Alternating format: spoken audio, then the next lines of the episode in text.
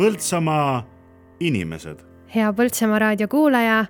nüüd on alanud meil saade Põltsamaa inimesed ja tänases saates on meil külas mees, keda võiks tutvustada, et ta on Eesti Kirevaima bändi vokaal, Põltsamaa juurtega mees, tegelenud laulu kirjutamisega, pillimänguga. Teie ees on Risto Lehiste. tere, Risto! tere päevast! Risto, kuidas sa iseenda kohta ütleksid, kellega tegu on? ma arvan, et tegu on äh, lihtsalt äh, muusika, muusikalembese ja kultuurilembese inimesega, kes äh, on, ma ei tea, kuidagi erinevatel põhjustel, võib-olla ma ei oska ei öelda väga hästi, erinevatel põhjustel hakanud tegelema ja jäänudki tegelema siis päris, päris mitmete ja paljude erinevate asjadega. jah, et päris noh sada protsenti muusikut minust ei ole, ei ole saanud, et pigem sihuke kultuurikorraldaja ja organiseerija. aga noh, samas jah, eks ma ise, ise olen ka mõnikord äh, olnud äh, au, au lavale sattuda ja musitseerida ja, ja usutavasti ka tulevikus no selleks, et äh, saada aru äh, sinu seosest Põltsamaaga, tuleb ajas natuke tagasi minna ja kerime siis tagasi äh, täitsa lapsepõlve, et sa ei ole, sa ei ole päris Põltsamaal sündinud, sa oled siia tulnud noores eas. kuidas selle, kuidas see lugu lahti rullub? no oma päritolult või noh, sünnikohalt olen ma virulane ja Kadrinas sündisin, seal käisin ka esimesed kolm klassi ja sealt, seal sai kuidagi suunatud, noh, vaata nagu, nagu inimesed kuidagi nagu kas siis valivad või neid suunatakse oma teele, et osad läksid seal sporditeele ja osad siis mingi muu eriala peale. vot, vot minul kuidagi pole, pole lapsest saati, noh, päris väikesest saati ikkagi mitte mingit probleemi olnud laval laulda, nii et, et, et ei tule nagu seda, seda hirmu või mingit värinat sisse või, või lava lavanärvi. see, kui see on tulnud, siis on tulnud hiljem, aga, aga jah, seal meie esimeses, teises, kolmandas klassis, kui oli vaja kedagi esinema panna, siis, siis, siis mina olin üks nendest. ja seal siis kuidagi see muusikapisik minusse süstiti, siis tuli, ma ei tea, kas paraku, ma ei usu, et paraku, ma ütlen, et lihtsalt tuli elukoha vahetus, et. et ma, isale pakuti siia lähedale paremat tööd ja, ja siis saigi elama asuda Põltsamaa lähedale Pisisaarde aga kuna mul oli kindel soov, noh, kas siis kui Eculas Kadrinasse jäänud, siis oleks seal lisaks poistekoorile võtnud selle muusikakooli tee ette. aga kui siia sai tuldud, siis äh, oli teada kohe, et Põltsamaa muusikakooli ja Rein Inno Kadrina muusikakooli äh,, või tähendab Kadrina koolis oli, oli, oli muusikaõpetaja, tema soovitas äh, sellist toredat pilli nagu äh, klarnet pidavad olema siukse maheda ja, ja, ja puiduse kõlaga ja noh, jah, vastab tõele. Ja sealt on ju edasi lihtne võtta ka saksofon, nii et ähm, kui ma tulin neljandasse klassi, siis ma tulin Põltsamaale, kuigi mul oli endal seal kodust mingi paarisaja meetri kaugusel oli Pisisaare kool, aga kuna äh, logistilises mõttes oli mõistlikum tulla Põltsamaale äh, muusikakooli pärast, siis sai tehtud just nimelt valik, et Põltsamaa ühisgümnaasiumisse, kuigi ma ei tea, kas ta tol ajal oli Põltsamaa keskkool või jah, võib-olla võis olla Põltsamaa keskkool, aga üsna peatselt Põltsamaa Ühisgümnaasium. no ja siis äh, siia Eino Georgi käe all äh, klarnetit õppima, et äh, mul on lihtsalt meeles on kuidagi see, et, et sai need dokumendid sisse toodud vanemate abiga ja siis esimesel septembril kuidagi täiesti iseseisvalt äh, ma, ma ei tea, kuidagi nagu tulin selle peale, et aa, et esimene september on, käisin seal kooliaktusel ära, siis sõitsin tagasi Pisisaarde koju ja siis äh, aa, aga mul on muusikakooli aktus ka veel. ja siis ma hakkasin mõtlema, noh, üheksa aastane poiss, mis ma olin seal kaheksa-üheksa aastane. Ma läksin kuueaastaselt kooli ja hakkasin mõtlema, oo, et aga siis on mul vaja Põltsamaale tagasi saada. ja kuidagi tol ajal neid busse käis rohkem, igatahes ma tulin ise bussiga siia äh, muusikakooli aktusele ja tol ajal äh, ei olnud ju ei mingit äh, mobiiltelefoni ega mitte midagi, igatahes ema tuli mulle hiljem kuidagi nagu omakorda bussiga järgi ja siis äh, sai mu kuskil kätte siin äh, muusikakooli ees, ees olevas pargis, et ühesõnaga seiklusega see algas ja eks see muusikaline seiklus on kestnud siis, ma ei tea, palju seal on juba mingi kolmkümmend viis pluss aastat kui perekonna lugu vaadata, siis kas perekonnas on veel muusikuid, kes on sind nagu mingil määral suunanud, kas siis teadlikult või, või teadmata? ehk siis, et äh, vanematest või veel vanavanematest keegi, kellel on see muusikasoon kuidagi no ma tean seda, et eh, minu emapoolne vanaisa oli sihuke külapillimees eh, lõõtsaga ja ema õppis siis ka seal lõõtspilli selgeks ja eh, akordion, et noh, tema on, eks ole, väga-väga kaua olnud kooliõpetaja, noh klassijuhataja siis ja kui olid sellised väiksemad koolid a la Piisjärve koolis, seal, seal tuli kõik ise anda. kehaline kasvatus ise ja, ja muusikatunnid ka, et siis oli oluline, et sa ikkagi valdaksid mingisugust pilli. ja ema siis äh, mängib mulle, mängis ja ma usun, mängib ka praegu praegu äh, akordionit ja, ja vot sealt ma sain need esimesed nii-öelda muusika, muusikalised äh, noh, õpetused laulmise mõttes, et äh, võeti ka järjekordne Laulge kaasa lahti ja vaadati, mis need tuttavamad laulud on. ja seda ma mäletan küll, et isegi mingi nelja-viieaastasena sai, saigi lauldud ja eks, eks sealt võib-olla see hääl nagu hakkas vaikselt arenema. Ja, ja sihuke noh, ma ei tea, loo-, looduse poolt on andnud sihuke suht, suht nagu tugev ja sihuke toores hääl, et, et mingisugust nii-öelda džässilauljat äh, ei, ei ole minust nagu mõtet oodata. aga, aga, aga ta jah, on, on kuidagi, on kuidagi vastupidav ehm,. siis teiselt poolt äh, isa, isapoolsed äh, vanavanemad olid kuidagi niimoodi, et, et vanaema sealpoolne käis väga palju koorides laulmas ja tal oli meeletult hea meel, kui mina ka läksin a la mingi poistekoori ja, ja siis see laulukarusselli teema, mis, mis ühe korra siin ka käis vabariiklikul tasemel ära, et selle üle tal oli väga hea meel. et nad on nagu igati toetanud seda muusika tegemist ja eks see, eks see, eks sealtpoolt natuke seda, seda geenidesse ka antud. aga otseselt nagu seda siis suunatud või, või sellist asja ei ole. küll aga muidugi noh, ma ei läinud muidugi nende poolt väga palju seda sundust vaja, et ma selle laste muusikakooliga lõpuni käiksin, sellepärast et, et mingitel aastatel on, on päris raske seal ennast järje peal hoida, päris raske nagu jätkata sellega. näiteks noh, see oli kahe, kaheastmeline oli, et oli alguses oli neli klassi, see oli see kõik kõige algsem muusikaline haridus ja siis kuni seitsmenda klassini välja. ma olin seal mingi teise klassi lõpus, kolmanda klassi alguses olin suht kindel, et ma teen selle neli klassi ära ja see aitab küll onju. aga siis, siis jällegi mingil hetkel hakkas kahju sellest, sellest neljast aastast ja otsustasin edasi minna ja lõpuks siis sain ka, sain ka selle muusikakooli lõpetatud nii palju vanemad sundisid küll, et kui, kui sa võtad endale mingisuguse kohustuse, siis tuleb see ka lõpuni käia noh, väga raske oli, teised läksid peale kooli, läksid Piisaarde koju metsa, ma ei tea, peitust ja mis iganes sõda mängima. ja mina pidin võtma siis koti ühte kätte, pilli teise kätte ja lonts-lontsi ja siia Paala, Paalapoe teisele korrusele aga perekonnas veel, et kas ei olnud siis seda, noh, pillimehe ametiga käib ikka vahel kaasas sihuke müüt, et noh, mis töö see pilli mängimine on ja et kas on ikka selline tõsine, keeruline töö on ju, et, et. mina kas... õpin endale mingi normaalne amet parem selgeks. ei olnud sellist asja, ei ole kunagi olnud, et selles mõttes kultuurilembena meie perekond ka ja mul vend Riivo Lehiste mängib ju jätkuvalt Ehm, Põltsamaa linnaorkestris. mul on jäänud natuke mulje, ma päris otse pole küsinud tema käest, aga, aga vist on niimoodi, et see, et eh, ta võttis lihtsalt eh, Lembit Vingi käe all eh, Aldi kätte ja hakkas seda törtsutama, et see oli kuidagi nagu natuke minu eeskuju ka et vaatas, et sihuke äge, äge seltskond, äh, äh, orkestrirahvas ja siuksed äh, noh, tollel ajal ka üheksakümmend seitse, millal me Saksamaal käisime esimest korda, et sihuke päris, päris vahvad reisid ka. ja siis noh, mina käisin siis üheksakümne seitsmendal, Rivo siis veel ei käinud. aga et on ta võtnud selle pilli endale, nüüd, nüüd vist mängib eufooniumit ja minu arust väga, väga hästi mängib tal ei ole ju mitte mingisugust muusikalist nii-öelda eelharidust, et tema võttis ja, ja mängis need sada lugu või, või, või palju seal vaja selgeks õppida orkestrisse saada ja ülejäänu on tulnud juba siukse visa, visa tahtejõu pealt, nii et jah, noh, muusikaga tegeleme ikka, õde on ka musikaalne, et see noh, selles mõttes kahtlust ei ole, et, kes kui palju nagu sellega oma aega kulutab või, või kas see on tal nüüd nagu peatoiduseks või on see lihtsalt hobi või on see lihtsalt, ma ei tea, kuulaja tasemel ennast nii-öelda muusikaga kursis hoidmine. no see on, see on igaühe nagu enda, enda valikuga jah, või valikupõhiseks jäänud me kõik teame, et noorena on mingisugused muusikalised eeskujud, mingid lemmikbändid. kui nüüd mõelda tagasi sellesse aega, kui sina esimest korda võtsid pilli kätte ja olid vaimustunud sellest, et see pill, pillimäng ja muusika on, on ägedad asjad.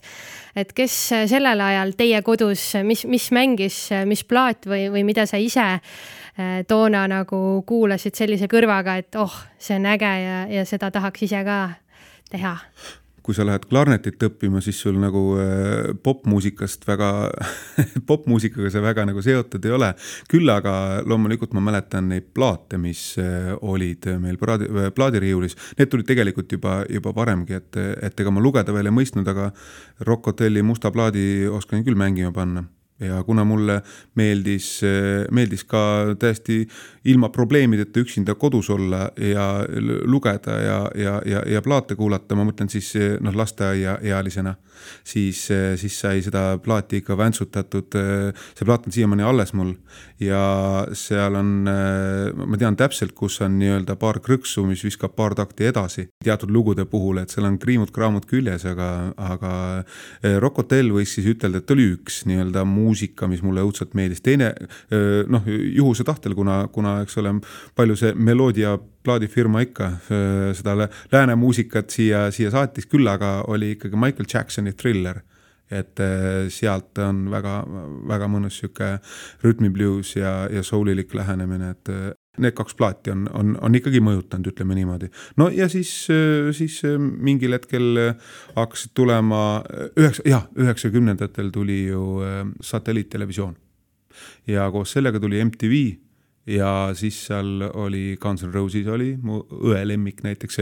noh, mulle, mulle ka väga meeldis, aga siis oli mingi, mingil ajavahemikul ma näiteks, ma ei tea, mis jabur periood see oli, ma kuulasin Scooterit. no ja siis Two Unlimited oli DJ Bobo, issand jumal, jah.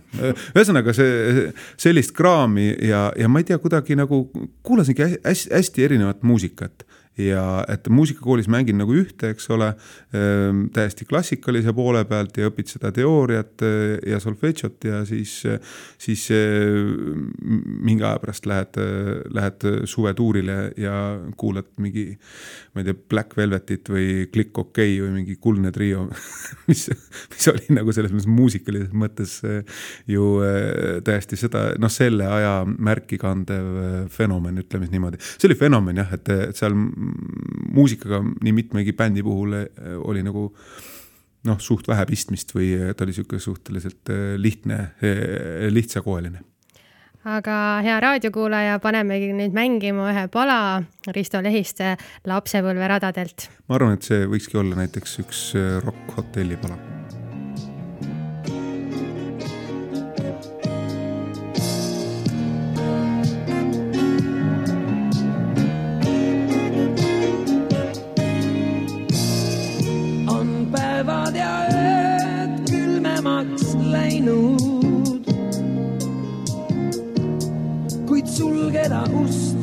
ma ikka ei või.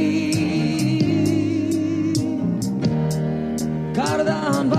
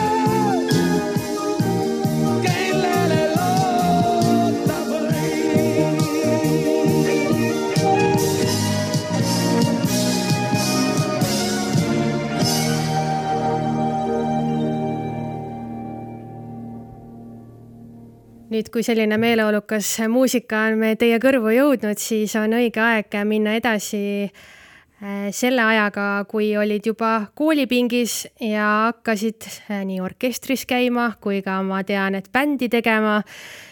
milline oli sinu esimene koosseis näiteks bändiga, kui nüüd mõtled tagasi?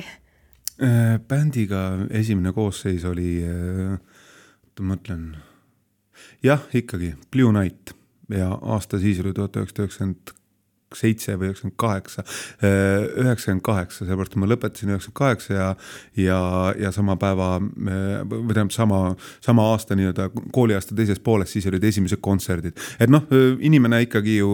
satub mingisse seltskonda ja, ja ma ei tea, mina varem ei sattunud, millest mul on tegelikult väga kahju, et mingil hetkel Põltsamaa koolis ei, ütlen ausalt, muusika ei olnud väga populaarne ta noh, selles mõttes, et vähemalt minu klassis äh, hästi-hästi palju nagu äh, jah, käisid muusikakoolis, seda küll äh,, aga, aga et mind nagu omal ajal ikka, ikkagi teatud vanuses nagu täiesti, täiesti noh, narriti. et sihuke kerge koolikius oli, pasunapiilu ja mis, mis seal veel olid, et aga, aga ma ei viitsinud nagu väga nendele inimestele tähelepanu pöörata. ja siis tulid Kristo ja Kristjan Matson siia kooli, sedasi riburada pidi. et üks Kristo tuli aasta varem gümnaasiumisse ja Kristjan aasta hiljem. ja vot nende tüüpidega läks see virvarr ikka noh, korralikult käima. ma ei tea, kuidagi klappisime ükskõik mida, kus oli vaja teha, ma ei tea, Hille Martini segaansamblis vaheaegadel laulda, kooliaktustel Põltsamaa Ühisgümnaasiumi orkestriga mängida, Saksi orkestriga, lisaks siis, siis nagu linnaorkester ja muud ja, ja siis ka üheksakümmend seitse lõpus hakkasime tegema nagu päris sihukest noh, no sihukest traadibändi ja, ja ega meil tehnikat muidugi ei olnud, ma ei tea, kuskilt sai basskitarr sebitud ja, ja Kristol oli mm, tavaline elektrikas ja siis kultuurimajas saime mingisugused võimud või asjad. ühesõnaga siis see, siis see asi hakkas veerema, mitte noh, oligi Regent, Vermona, nüüd see, kõlab nagu ma räägiksin mingi aastast seitsekümmend, kaheksakümmend onju. aga, aga ei, siin tol ajal Põltsamaa kultuurimajas oligi selline tehnika, et siin oli nagu selles mõttes aeg oli, oli jäänud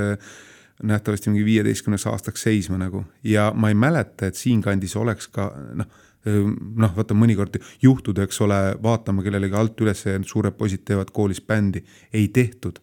ja, ja, ja miskipärast oli, ma tean, et, et kaugemas minevikus oli koolibänd, aga sel ajal, kui mina seal olin, ei olnud sellist noh, loogilises mõttes või, või nii-öelda positiivse näitena koolibändi, kellega siis ma ei tea, kuidagi oleks saanud nagu konkureerida või kelle käest snitti võtta või ei olnud. ja, ja, ja vot siis peale meid, siis tuli uuesti see nii-öelda laine, ma arvan, et see käibki, käibki lainena, aga jah, see Blue Night tegi meil siinsamas kult-, kultuurimajas 4H peol mingi veebruaris ja siis suurem esinemine, mis jäigi tükk aega meie kõige suuremaks esinemiseks, seal oli mingi poolteist tuhat, kaks tuhat inimest võis Lossi hoovis olla. kaheksakümmend kaheksa aasta Volbri,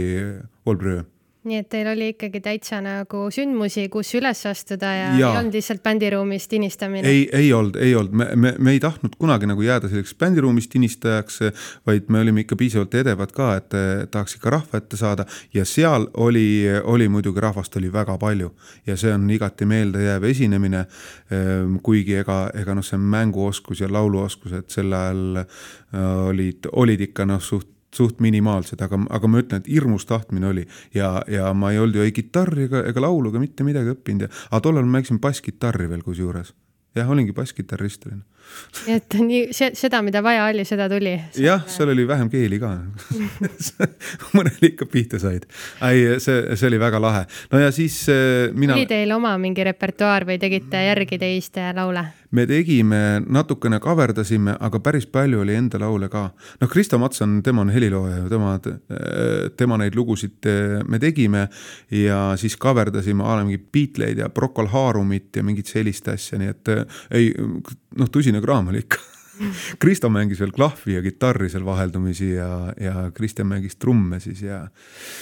meil oli eraldi tamburiinimängija, mingil hetkel mängis Tanel Aljo mängis meil äh, saksi ansamblis, kes on ju nüüd Estonian Dream Big Bandi, ühesõnaga üks Eesti parimaid saksofonimängija. väga nimekas koosseis. väga nimekas koosseis oli jah, ja Martin Pook oli meil helimees, nii et see oli, see oli päris vahva, Pisisaare koolis tegime proovi ja salvestasime vist natukene, ma ei tea, Kristjanil on need salvestused vist alles ka. aga, aga neid praegult võib-olla pigem kuulata ei tahaks, nii nagu Tõnis Mägi ei tahaks kuulata seal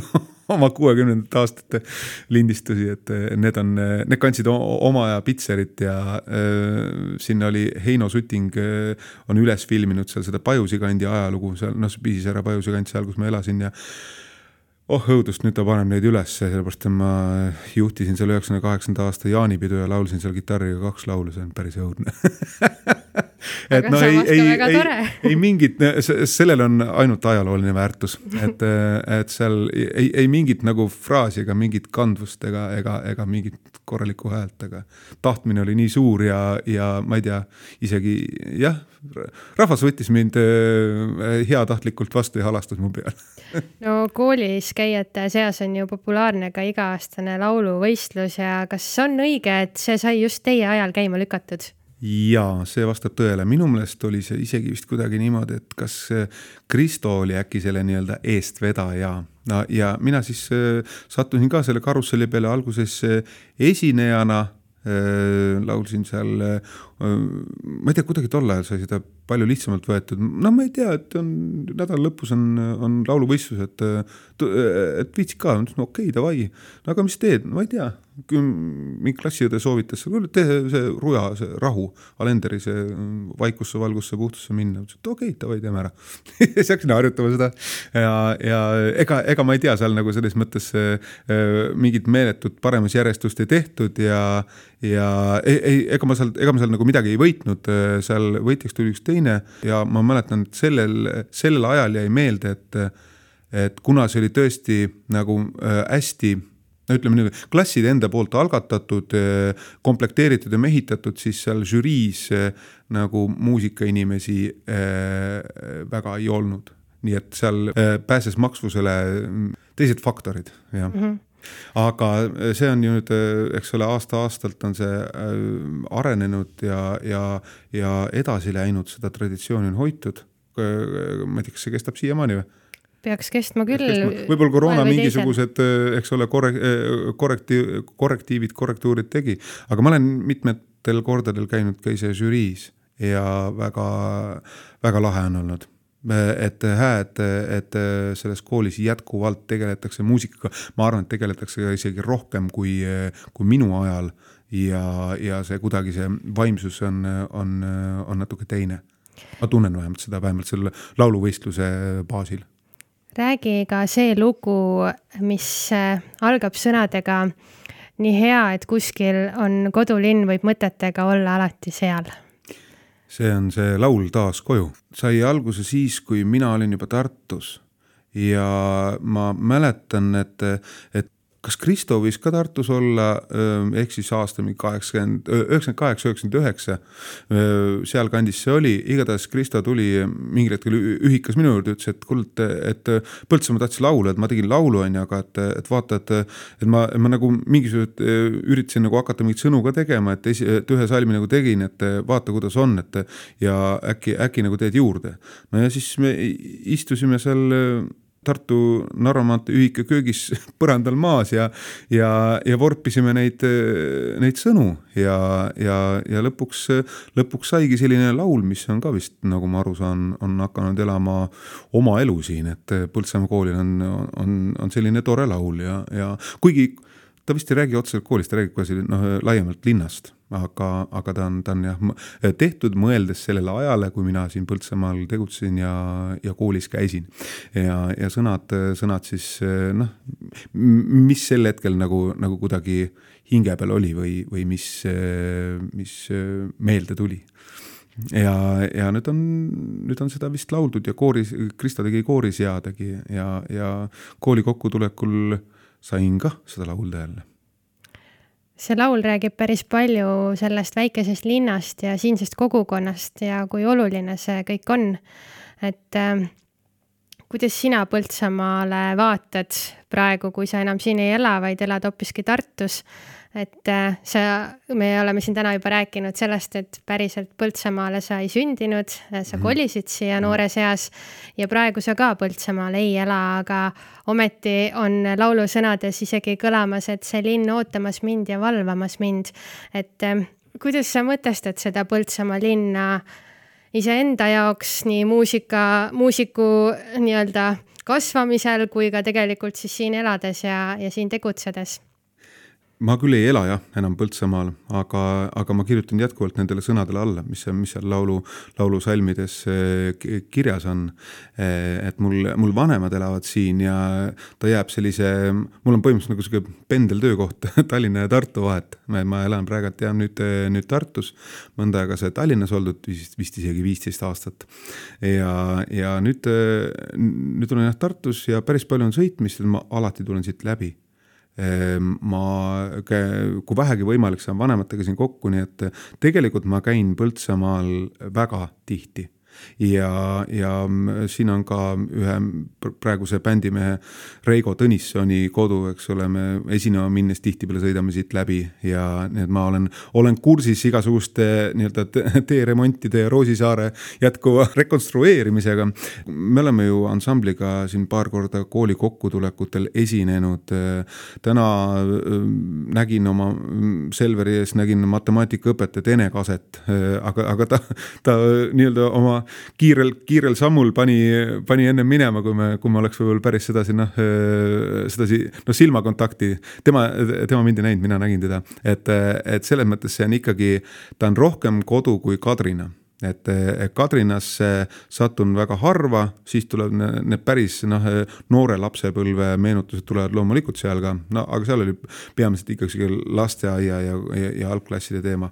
aga see nii-öelda päris kujunemine on, on ikkagi Põltsamaal aset leidnud. kuigi kolme esimese klassiga Kadrinas meil oli väga karm ja konkreetne vanakooli pedagoog. et kui ikka nagu ühe, kahest kulmukortsutusest ei piisanud, siis, siis nii klass püsti ja seisime tunni lõpuni ja siis jätkasime sama tunniga siis, kui koolipäev oli ära olnud et klass seda vist mingi kolm korda lubas endale, siis oli, siis oli kõrd majas. Eh, aga miks ma seda räägin, on see, et, et jah, et sihuke võib-olla teadlikum kujunemine oli, oli Põltsamaal, aga sellise tööoskuse ja, ja, ja mm, suutlikkuse nagu endas ja, ja võib-olla ka ümbritsevas nagu korda seada, korda hoida ja mõnikord ka suu kinni hoida. et selle ma sain, sain Kadrinast ja ma mäletan, et kui ma tulin, siis mul õppimisega ei olnud never probleeme, et, et selles, selles mõttes nagu Äh, sai olümpiaadidel käidud ja, ja sai noh, kõigi, kõigiga sai tegeletud, kõigega sai tegeletud rohkem isegi kui, kui nagu selle konkreetse õppimisega, et õppimise asjad, see sai enamasti tunnis tehtud juba, kui sa, kui sa kuulad ja paned tähele, mõtled tunnis kaasas, siis no andke, antagu andeks, põhikoolis ei ole mitte mingisugust, minul ei olnud mingisugust vajadust kodus tööd teha, mul oli kõik tehtud juba ja, ja siis, kui ootasin mõnikord äh, muusikakooli tunde seal äh, siinsamas raamatukogus, Põltsamaa raamatukogus, mis, mis jäi täpselt kooli ja muusikakooli vahele, seal oli väga hea, seal oli talviti oli soe, eks ole ei pidanud väljas hanges kuskil, kuskil kükitama äh, ja, ja seal sai siis loetud ja, ja koolitöid tehtud, et selles mõttes Põltsamaa kuidagi oma vaimsusega ja, ja nende võimalustega, mis, mis mulle on, on selle kooli ja muusikakooli poolt antud et, et ikkagi on väga, väga olulist rolli nagu mänginud nii palju, kui meile ka Põltsamaa linnana armsaks ei saaks, siis ikkagi, kui edasi mõelda elu mõttes, siis mingi hetk on üsnagi sarnane stsenaarium kõigi eludes, et tuleb ikkagi mingi hetk ära minna ja tuli ka sinul pärast keskkooli minna. kuhu sa edasi läksid ja mis sai? ma vaatasin eh, kahte asja, noh, eks ma, eh, kunagi mul oli mingi, mingi soov saada juristiks, eks ole ma ei tea, mis, mis põhjusel, aga tundus väga prestiižne amet. nii ja siis, äh, siis teine, äh, üheksakümmend kaheksa ma lõpetasin, eks ole. teine väga moodne värk, mis tol ajal oli, moodne õppeaine oli see igas, mis oli see, mis oli seotud haldusega. sellepärast, et vot sel ajal ju Eesti hakkas nii-öelda riigina alles tegelikult oma haldussuutlikkust tõstma ja seda aparaati üles ehitama, mis, mis on nagu ikkagi praeguse nii-öelda eduloo aluseks olnud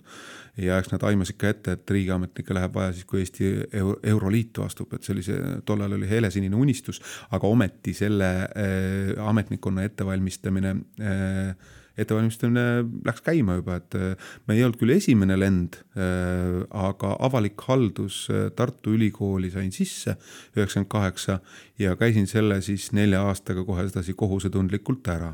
seal oli Wolfgang Drexler ja, ja, ja Tiina, Tiina Randma äh, ja, ja oli, oli nagu väga sihuke, ikkagi väga akadeemiline ma ütlen minu jaoks, minu jaoks isegi võib-olla liiga akadeemiline, et ma seal äh, hakkasin tegema siis noh, ikka, ikka see bändi asi tiksus edasi ja siis Tartu Akadeemilises meeskooris laulma. Elleri koolis äh, olin ma nagu oma inimene ma käisin seal näiteringis ja, ja Kaari Sillamaa ähm, noorte muusikalide võistlusel ma võtsin meesosatäitja parima aukoha ja ma, jumala eest, ma ei ole mitte päevagi Elleris õppinud. Sai kuidagi kaasas hängitud nende muusikutega ja, ja siis oma koolitööd ka ära tehtud, eks ole, ja lõputööd kaitstud ja see keskastme uurimustööd et, et noh, sai nagu enam-vähem äh, aimu, mis see ametniku töö on ja ma pean muidugi tunnistama, et ega ma seda ametnikutööd, noh, ma ei tea, muuseumitööline, muuseumitöötaja, osakonna juhataja, ma ei, ku-, kuivõrd seal seda ametniku äh, vaistu või ametniku tarkust vaja läheb, küll aga jah, sedasi aastakese töötasin ka Kultuuriministeeriumis, nii et seal, noh, seal läks muidugi vaja. Äh, kahtlemata, ma sain Tartu Ülikoolist äh, väga hea hariduse ja, ja ma olen jah, selle alma mater'i kasvandik. ja siis, äh, siis kuidagi jällegi sõber äh, oli, oli märganud, et kuule, et äh, see on, see on nagu seal filmist, et on avatud uus sanatoorium Lõuna-Eesti kuppelmaastikul et on avatud Tallinnas Muusikaakadeemias uus eriala kultuurikorraldus ja, ja, ja sinna, ja sinna ma läksin nii et Muusikaakadeemias sai tehtud magistrikraad kultuurikorralduses esimest korda olime, seal me olime katsejänesed. see oli siis kaheaastane õpe? See oli kaheaastane õpe jah, et neli pluss kaks, ma olen selline nii-öelda vanem, vanem põlvkond veel, et ei ole kolm pluss kaks, vaid on neli pluss kaks. ja, ja seal olime koos jah, selliste ägedate inimestega, kes on, olid seal Eesti Kontserdi juhid ja üks on praegu, Anu Kivil on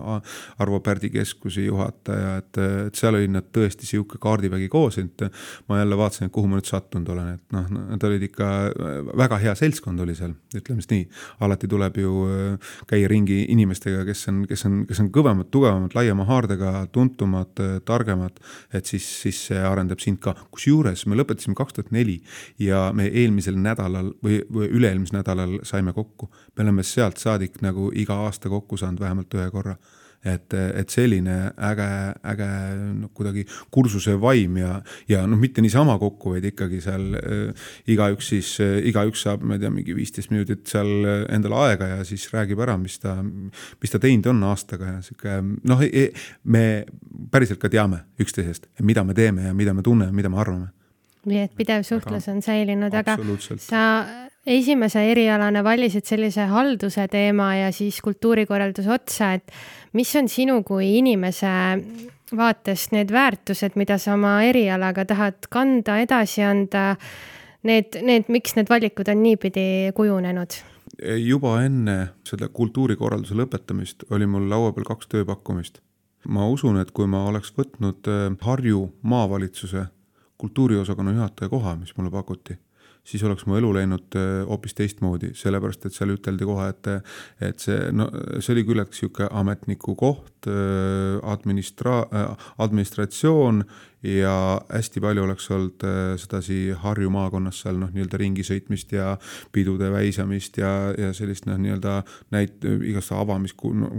ühesõnaga selline väga äh, hoolas mees, Heino Pedanik, äh, kes ise läks kuskile mujale kohale, mulle seda pakkus. ja teine pakkumine, mille ma siis vastu võtsin, oli Eesti Teatri- ja Muusikamuuseumi haldusjuhi koht. et noh, tegelikult oleks olnud see esimene prestiižsem, aga äh, ma tahtsin kuidagi äh, ma tahtsin ise selle, selle kultuuri ja muusika sees olla. et noh, tulles tagasi sinna, mida sa küsisid, et mis väärtusi ma ise oma tööga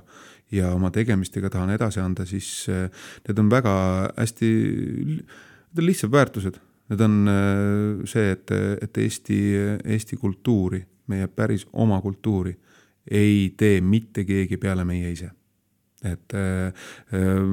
ma ei tea, Beatleid ja Michael Jacksonit kaverdavad miljonid ja kümned miljonid üle maailma, seda nii-öelda Ameerika ja Korea ja mis iganes Inglise popkultuuri viljelevad täpselt samamoodi. Aga Eesti kultuuri nii-öelda alles hoida ja, ja ma tean, et see kõlab hästi siukselt, ma ei tea, lamedalt ja banaalselt, et, et, et kui ise ei tee, siis, siis ei tee, aga, aga paraku nii see on ja, ja sealt ka siis valik minna just nimelt sinna äh, teatrimuusika muuseumisse mis on nüüd, nüüdseks nende ajaloomuuseumi all, aga noh, need kogud on säilinud ja osa inimesi ka seal, et, et see sai ikkagi just nimelt sellepärast, see on meie enda kultuur ja ma ei tea, see pakkus huvi. ma olin folklooriliikumises osalenud ka päris, päris mitmed-mitmed aastad seal Baltika festivali korraldanud ja nii edasi. et noh, selliseid hästi lihtsaid ja universaalseid väärtusi ma tahangi oma, oma, oma tegutsemisega nagu edasi, edasi anda ja, ja noh, muidugi üks asi, millest on väga, väga palju puudu, see küll ei puutu otseselt muusikasse, vaid see puudutab, eks ole, üleüldisse, ma ei tea, riiki ja, ja, ja poliitikasse ja ühiskonda, et praegu on väga, väga suur viisakuse defitsiit on, et, et öeldakse, mida sülg suhu toob ja, ja, ja seda, vot seda on kurb vaadata, aga okei okay,, ärme, ärme, ärme lähe sellele rajale. vaid pigem jah, et tahtsin siis oma noh, väikese panusena anda, anda või, või teha ära midagi sellist, mille, millest jääks nagu ka Eesti kultuuri jaoks jälg maha muusikal on äh, võim äh, anda siis sellist uhkust ja, ja liita inimesi ja üleüldiselt rahvusena ka tekitada sellist äh, ühtsustunnet, et kui mõelda Eesti muusikale ja, ja siinsetele sellistele legendaarsetele paladele, mis on need või mis on üks see nendest, mis sinul külmajudinad tekitab ja, ja tekitab sellise eestlase uhke tunde? Ega neid lugusid on päris palju ma praegu nii-öelda ähm, Eesti Muusikakuulsuste Koja kaudu ja oma, omaenda isiku kaudu panen või aitan kokku panna Tallinna Lauluväljaku külastuskeskust, seal tuleb äh, sihuke ekspositsioon, kus on ka laulva revolutsioon. ja vot siis, kui sa kuulad neid lugusid seal nende noh la,, laulva revolutsiooni aegseid lugusid, vot. vot see on selline koht, kus, kus, kus nagu tõesti võtab äh,, miks mitte ka see Tõnis Mägi Koit, eks ole, mis on võib-olla tänapäevaks äh, natukene ära leierdatud, aga aga kui sa vaatad seda, seda esitust nagu sel ajal see Eestimaa Laulul, siis oli Laks, Henri Laks õpetaja, tema laul, et vabana võid käia püstipäi, see on lahe. no Liivimaa pastoraal, see on teistmoodi nagu, see on juba kerge irooniaga seal kirjutatud, no miks mitte äh, Justamendi äh, Maa tuleb täite lastega, mis on tegelikult Vello Toomemetsa viis Hando Runneli sõnad, see tuleb alati seda rõhutada. sellist muusikat on palju, ma ei oskagi nagu väga täpselt, mis see kõige-kõigem on, aga sa mõtled, et, et võiks mingi muusikapala siin korraks? mõtlen, et siin teeks väikse pausi ja kuulakski siis nüüd Tõnis Mägi, Koit. näiteks ja, ja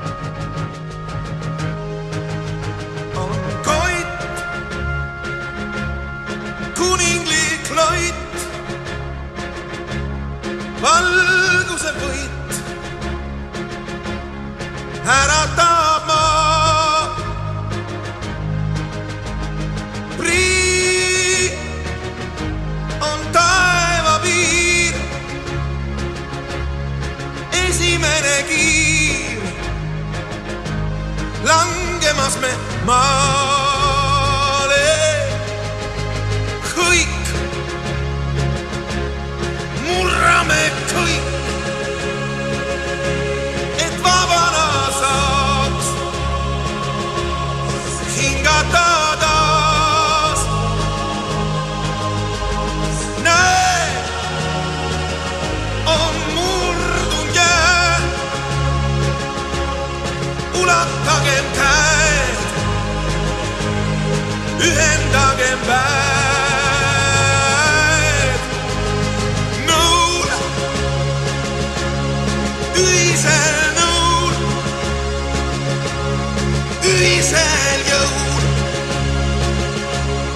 su 没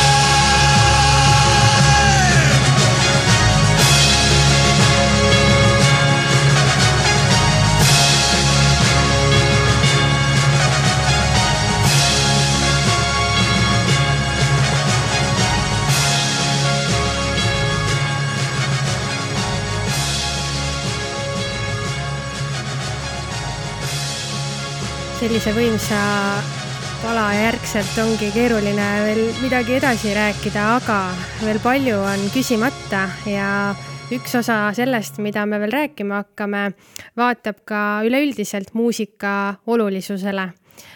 Risto, mida öelda nendele inimestele, kes ei pea muusikat eriti oluliseks või ütlevad, et mul on targematki teha ja see pole tegelikult kogukonnale või rahvusele midagi nii teab mis suurt ähm.? Ma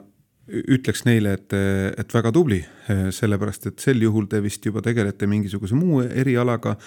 ala näiteks sport, eks ole, või, või teadus või siis mingid, mingid muud asjad, mis arendavad inimest ja, ja kui te nendega ei tegele, et ise midagi ei tee ja ütlete ka muusika, muusikat nagu pole, pole vaja, siis on, siis on mul teist lihtsalt kahju muud midagi. et, et ei pea olema muusika, elus on väga palju muud ka peale muusika, millega saab, saab noh, ma ei tea, mitte, mitte kuulsaks saada, aga kuidagi nagu midagi ära teha et, et me, mingi eesmärk peab ju inimesel olema, et kui, kui, kui ei ole eesmärki, kui on lihtsalt, ma ei tea, päevad õhtusse veeretada ja nädalavahetusel kuskil, kuskile niisama peole minna, et noh, ja, ja sedasi võib olla, aga, aga sedasi lõppkokkuvõttes nagu kui mingil hetkel hakkad, hakkad tagasi vaatama, siis noh, ma ei tea, võib-olla selle aja peale ei ole enam kahju ka. Aga muusika on ju, on ju see asi, mis noh, kuidagi ma, ma ei tea, pakub, pakub nagu äh, tuge, pakub meelelahutust, pakub teenistust ka ja, ja, ja ühe noh, Eesti on üleüldse selline riik, ma ei usu, et on väga palju inimesi siin, kes ütlevad, et aga, aga milleks meil seda muusikat vaja on või see ei ole oluline või, või, või võtame nüüd, ma ei tea, paneme kõik orkestrid kinni, eks ole, see, mis hiljuti oli siin selle politsei ja kaitseväe orkestritega, mida oli päris õudne kuulata. et, et jah, paraku ka Eestis juhtub, aga mina väidan seda, et, et olles nagu uurinud neid, seda, seda laulvat revolutsiooni, teades seda Eesti nii-öelda ka levimuusika, popmuusika ajalugu, et, et kui ma sõnastaksin selle niimoodi, et kui koori liikumine, kui koorilaul ja laulupeod hoidsid siis need, need kümnendid öö, okupatsiooni ajal hoidsid niisugust nii-öelda seda, seda tuuma hõõgumas, Eesti iseseisvussoovi ja omariikluse soovid tuuma hõõgumas, siis levimuusikud puhusid selle tuuma kaheksakümmend seitse, kaheksakümmend kaheksa aastal niimoodi lõkkele, et seal lihtsalt ei, ei olnud nagu muud võimalust ja, ja muusika on selles mõttes väga hea vastuhaku vorm. et, et kuidas sa, eriti kui, kui sul tuleb laulukaare alla öölaulupidudele kaheksakümne seitsmendal aastal kümned tuhanded inimesed, nad ei tee mitte midagi kurja, nad, nad lihtsalt laulavad seal, eks ole, ma ei tea, ma olen lugenud meenutusi, et seal oli punkarite, punkarite mahitusel läks see asi lahti ja punkarid, eks ole, kes on äh, teada-tuntud riigivastased ja riiki pole vaja, et sihuke äh, anar-, anarhia, eks ole, et, et ei mingit võimu. Nemad panid oma nii-öelda need äh, aated ja mõtted korraks riiulisse, et saada siis omariiklusele kuidagimoodi nii-öelda see kand või see varvas ukse vahele. ja, ja kui inimesed on seal, nad koristasid enda järelt, ma tean, et mingit laga maha ei jääks, siis mida sa teed, lähed tankidega nende vastu või? Nad, nad, nad, nad laulavad, ma ei tea, juba linnukesed väljas laulavad. Muusika on selles mõttes hea, hea relv, et ta on sihuke vägivallatu. Ja, ja mina väidan seda, et kui ei oleks Eesti levimuusikud, need nii-öelda laulvad revolutsionäärid ehm, sel, sellel ajal neid laule teinud ja, ja rahvast nende, nende lauludega hullutanud, siis meie ei oleks praegu sellises Eestis siin see on, see on fakt, sellesse ma usun väga, nii et eh, kui, kui mul eh, mõnikord eh, kuskil näitusel, mis ma, mis ma olen teinud Eesti levimuusika ajaloost, et kui mõnikord küsitakse, et aga, aga miks see oluline on või miks, mis asja nad, et me, miks sa nagu seda nii õhinaga ajad, seda levimuusika ajalugu, siis ma ütlen, et Eesti levimuusikud tõid Eestile tagasi vabaduse ilma ühegi verepisata. see ei ole üldsegi väike teene. praegune töö sulle tegelikult sa juhatasid väga hästi sisse oma praeguse töö, ehk siis sa vead eest äh, Kuulsuste Koda, äh, mis siis oma alla koondab erinevaid elemente, meenutusi, esemeid äh, meie teada-tuntud lauljatest, et Mhm. kui kaks tuhat viisteist aastal see käima sai lükatud, nägid sa siis ette, et oled täna siin, kus sa praegu oled? ma tegelikult lootsin olla kaugemal isegi sellesama asjaga, aga, aga eh, head asjad võtavad aega ja, ja nõuavad vaeva. kaks tuhat viisteist lihtsalt tehti eh, muuseumi maastikul selline konkurss, hakkas lähenema Eesti Vabariik sada ja et, et muuseumid, palun pakkuge kingitusi. Ja siis äh, muusikaprodutsent Toomas Oljum, kellega oli sihuke noh, põgus kokkupuude olnud ühe näitusega seoses, tuli mingil hetkel muuseumisse ja ütles, kuule, et aga, aga miks ei võiks Eestil olla oma seda kuulsuste koda noh, ja, ja siis hakkaski, muuseum esitas taotluse, et me teeme suure ülevaate näituse Eesti popmuusika ajaloost ja see näitus avati kaks tuhat kaheksateist Tallinnas äh, kolmandal mail. Ja see käsitles siis perioodi äh, ajavahemikku täpselt sada aastat, tuhat üheksasada üks äh, kuni kaks tuhat üks et, äh, et lihtsalt ütlen ka ära, mida, miks nagu need ja mida nad tähistavad, et tuhat üheksasada üks lasti Peterburis välja esimene eestikeelne heliplaat ja kaks tuhat üks, noh, seda me teame ise, mis siis eh, nagu Eesti popmuusikale olulist oli, et Eesti võitis Eurovisiooni. ja sinna vahele kõik, kõik see, mis jäi alates Valgrest ja John Borist ja, ja nendest grammofonidest eh, siis läbi selle nõukogude aja ja, ja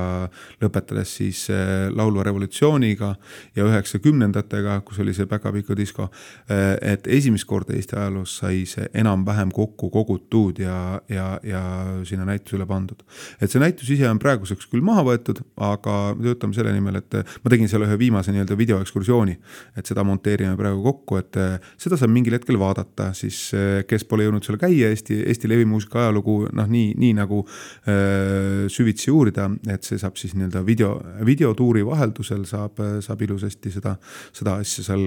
vaadata-kuulata. ja noh, praegu, et kui see näitus sai kokku pandud, siis sai kogutud päris palju seda ähm, Eesti, Eesti popmuusika, rokkmuusika, beatmuusika, ma ei tea, mis iganes äh, džässmuusika ajalugu. ja seal on näitusi olnud, praegugi on näiteks lahti džäss äh,, džäss kuuskümmend seitse, see on sellest Tallinna, Tallinna legendaarsest džässifestivalist, on näitus äh, ajaloomuuseumis Maarjamäel ja tuleb ka kohtumise õhtu septembris Uno Naissoo Äh, Lembit Saarsaluga ja Anne Ermiga, kes kõik olid sellel äh, festivalil seal kohapeal ja kaks tükki neist ka esinesid, Anne oli kuulajate seas, aga nad püüavad kuidagi seda vibe'i edasi anda. Need on siis Eesti muusikakuulsuste koja kohtumisõhtud, mida ma olen teinud alates aastast kaks tuhat kuusteist. kuulsuste koda kolis nüüd koos sinuga ka Tartusse või? Ehm, kuulsuste koda, noh, eks me, eks me tegutseme ikka üle Eesti ja, ja mastaap on ikkagi üleriigiline, et, et aga hetkel sai jah, no kuna minu enda elukohaks kolm aastat tagasi kujunes Tartu, siis kui oli plaan, et eraldi MTÜ teha mittetulundusühing Eesti Muusikakuulsuste Koda, siis selleks asukohaks sai Tartu ja praegu on juba üleval ka esimene näitus, mille nüüd hiljuti avasime. aparaaditehases galeriide öö ajal avas, avanes näitus, fotonäitus Vaimud ja võimud Tartu ansambli Maastik tuhat üheksasada kuuskümmend viis kuni seitsekümmend seitse. ja sinna ma kogusin kokku, kaks kuud oli kogumisperiood, isegi noh, pikem natukene. et alates seal Fiksi arhiivist, ma käisin Tallinnas fotodele järgi Haapsalus skänneerimas. ja see, selle tulemuseks on kolmkümmend fotot, mida ma ütlen, et kindlasti enamik inimesi ei, ei ole näinud ja see on praegu seal aparaaditehases Kastani Põik galeriis äh, üleval kuni neljateistkümnenda augustini ja, ja seal on, see on kokku kogutud selline ajalugu, mis muidu läheb kaduma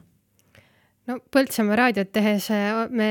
kogu aeg oleme selles olukorras, et mõtleme, kust leida neid lugusid ja neid inimesi,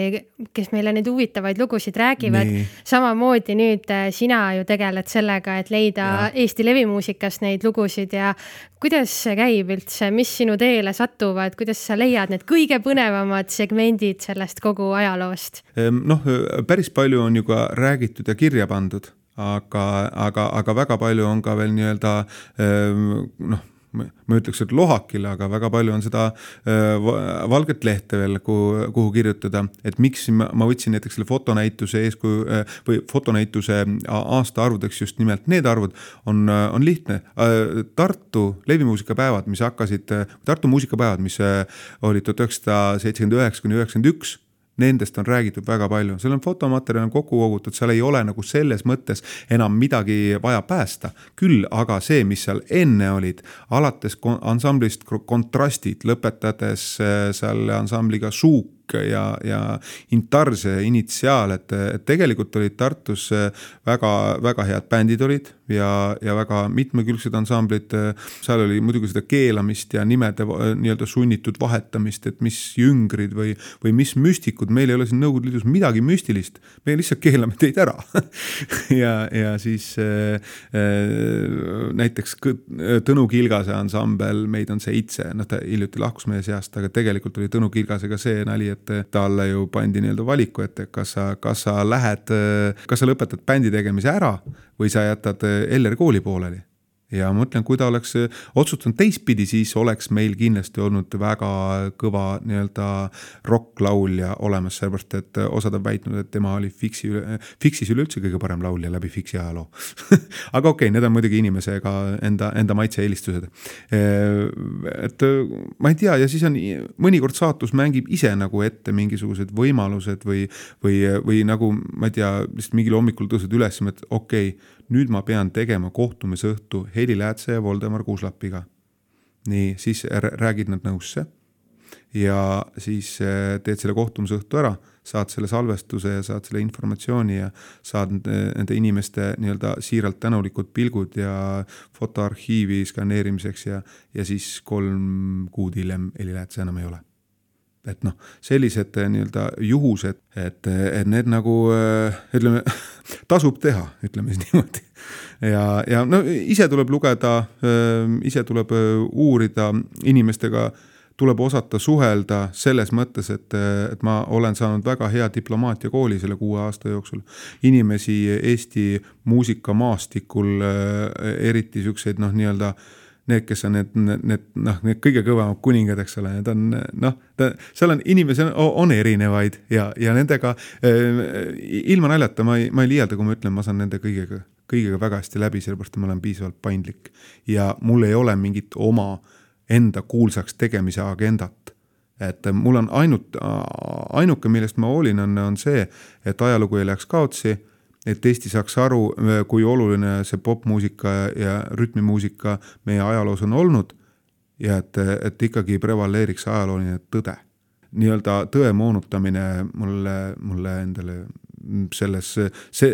selles, mida ma teen, selles Eesti Muusikakuulutuse Kojas, seal on ikkagi see tõde on, on, on oluline sa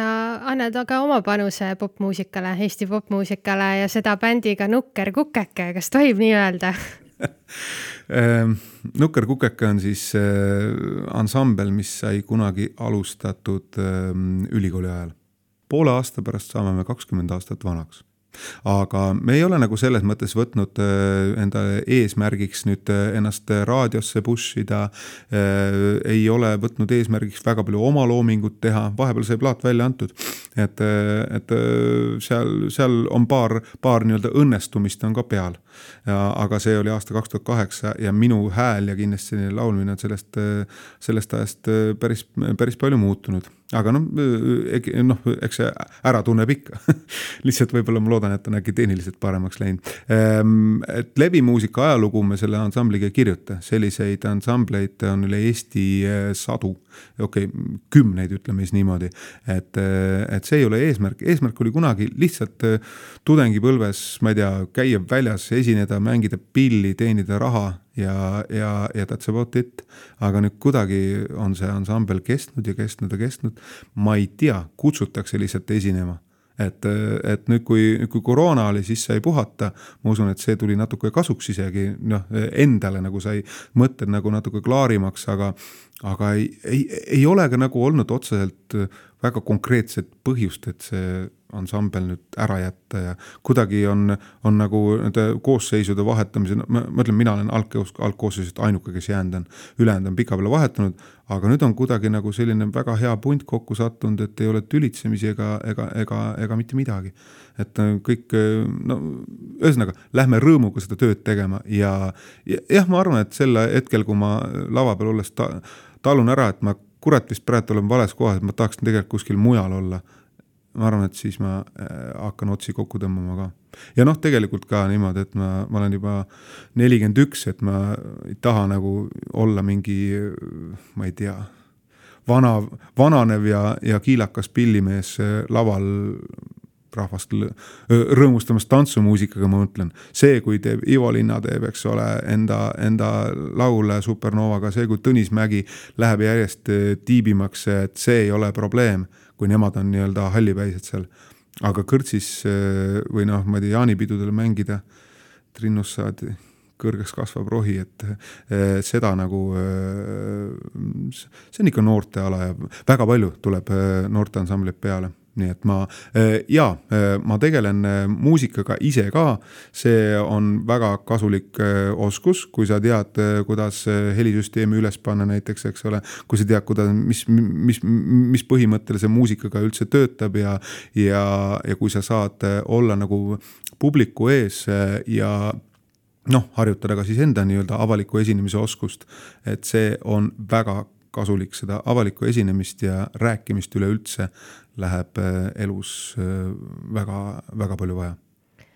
Kuna ikkagi me oleme eetris praegu Põltsamaa raadios, siis võib-olla selliseks viimaseks küsimuseks sulle Vimkaga natuke küsimus, et sa oled läbi ja lõhki ennast muusikaga sidunud, õppides ise pille, mängides ise koosseisus, sidudes oma igapäevatöö muusikaga ja selle talletamisega, mida sa soovid Põltsamaale ja Põltsamaa inimestele muusikaga seoses, kui vaadata nüüd tulevikku? eks äh, kõik asjad algavad ikkagi koolipõlvest ja kõik asjad algavad äh, muusikalises mõttes Põltsamaalt siis äh, gümnaasiumist ja, ja muusikakoolist. et ma soovitan, et, et hoidke, hoidke neid koole, hoidke neid õpetajaid, hoidke, hoidke kooli seda orkestrit elus. tänapäeval on nii palju igasuguseid muid võimalusi oma aega sisustada, et see on totaalselt teine ühiskond kui näiteks üheksakümmend kuus, seitse, kui mina Põltsamaa mm, selle kooliorkestriga liitusin, siis oli nagu väga vähe muud tegemist ja see, sellepärast oli kooliorkester just vahepeal oli vist äkki mingi kaheksakümne liikmeline ka isegi vist on olnud. võib-olla ma eksin praegu, võib-olla natuke väiksem, aga et meeletult populaarne kõik rivitrummarid ja värgid, et, et, et tänaseks päevaks on kuidagi vist natuke ära, ära vaibunud või hajunud, aga, aga see on asi, mida tuleb hoida. ja, ja isegi siis, kui inimene ei lähe muusika, muusikat õppima, eks ole, või, või sedasi, et see, see maa, maailmapilt ja see, see mõtteavarus, see, see muusika annab sulle nagu väga väga palju juurde ka lihtsalt inimesena, et, et see osad, kes ma ütlen, mina olin muusikakoolis sihuke väga keskpärane õpilane. ma ei saanud, noh, mind ei ole õnnistatud väga hea harmooniataju ja väga hea kuu-, nii-öelda täpse kuulmisega, aga, aga ma, ma olen teistmoodi kuidagi muusika juurde jäänud ja osad, kes seal olid, no, no ikka väga teravkõrvad, panid plaks ja plaks neid diktaate, need peale seda, kui nad selle ukse sealt kinni panid ei ole muusikat mitte kunagi nagu rohkem teinud. et, et see noh, ja, ja ikkagi ma olen kindel, et, et nad said see endale sealt selle, kas siis ma ei tea, harjutamise, töö tegemise harjumuse või mida iganes, et keskendumise nii-öelda oskuse, et seda, seda läheb vaja, seda keskendumist ja sellist asja ja sihikindlat tegutsemist ja, ja muidugi järje, järjepidevust, et seda, seda läheb vaja. hoidke seda, seda kooli, hoidke, hoidke muusikat ja, ja äh, ärge, ärge sundige lapsi muusikaga tegelema, aga äh, tehke see neile võimalikult äh, loogiliseks, lihtsaks ja kättesaadavaks. jätame seda saadet lõpetama nüüd ühe pala nukker kukeke repertuaarist, võib-olla sa soovitad siin meile oma lemmiku? jaa, soovitan küll, see on äh, lugu, ma ei mäletagi täpselt, pealkiri oli Täna olen aus et äh, ma võin ka ütelda, et, et selle nii-öelda möödunud, möödunud tunni jooksul ma püüdsin olla võimalikult siiras ütelda, ütelda asju otse välja viisakalt, eks ole. ja see laul siis räägib ka sellest, et, et, et see jah, ausus on, ausus on oluline ja see on, see on minu tehtud lugu, nii, nii viis kui sõnad. ja see on sellest äh, ansambli ajast, kui meil kitarre mängis selline guru nagu Lauri Oamets kes tegelikult öö, oma nii-öelda suure bändi ristsed saigi meiega siis, kui ta oli napilt kuusteist, seitseteist aastat vana. ükskord ei lastud teda esinema, sellepärast esinemine oli kasiinos ja me pidime endale teise kitarristi võtma Laur, Laur ütles ära, et sorry, ma ei saa tulla, te lase mind sisse. üritasime küll seletada seal, ei, ei, ei, alaealine, kakskümmend üks täis ei ole, siis ei huvita, mis pillimees või asi, mingu minema aga jah, jäägu siis see, see lugu lõpetama ja see on niisugune natukene jäääärelik lugu, sellepärast et ma ise pean väga sellisest äh, Tartu ansamblist nagu Jäääär ja äh, Jääboiler ja In Boiler ja kõik need, mis nad seal äh, nendel aastatel Tartus tegid. muide, kui mina ülikooli jõudsin sinna, siis nad olid väga, siis nad olid oma populaarsuse tipul. et see on, kõik on väga hea muusika ja eks see, eks see ole mind ka mõjutanud. aitäh, Risto! aitäh! Te kuulasite saadet Põltsamaa inimesed, mina olen Eeva Nõmme ja jääge ikka meiega.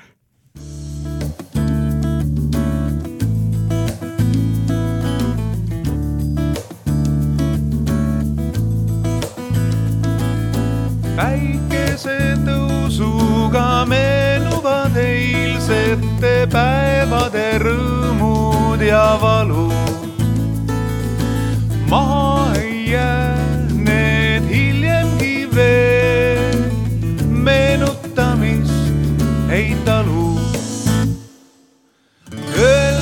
Mis tahtsin, jäi hammaste taha kinni ja vait nagu kala. tõde jäi istuma möödunud päeva, seal istub ja pisaraid valab hea küll, täna olen aus ja maailm kuulda saab tõde. Kuid maailm ei hooli mu tõest. liig pikaks on veninud paus. ma luban, täna olen aus.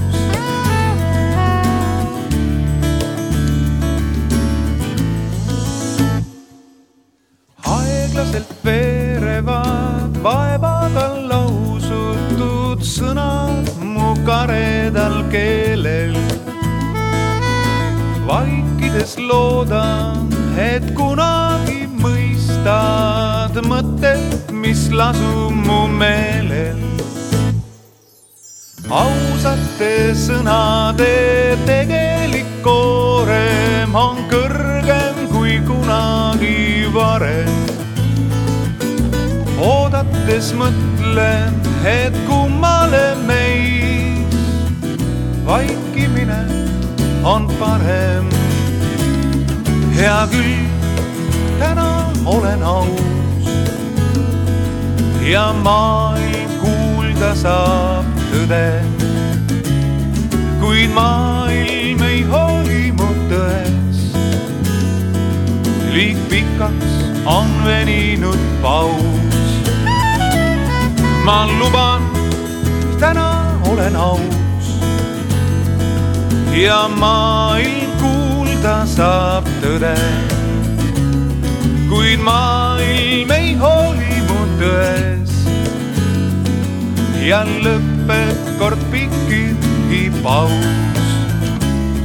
ma luban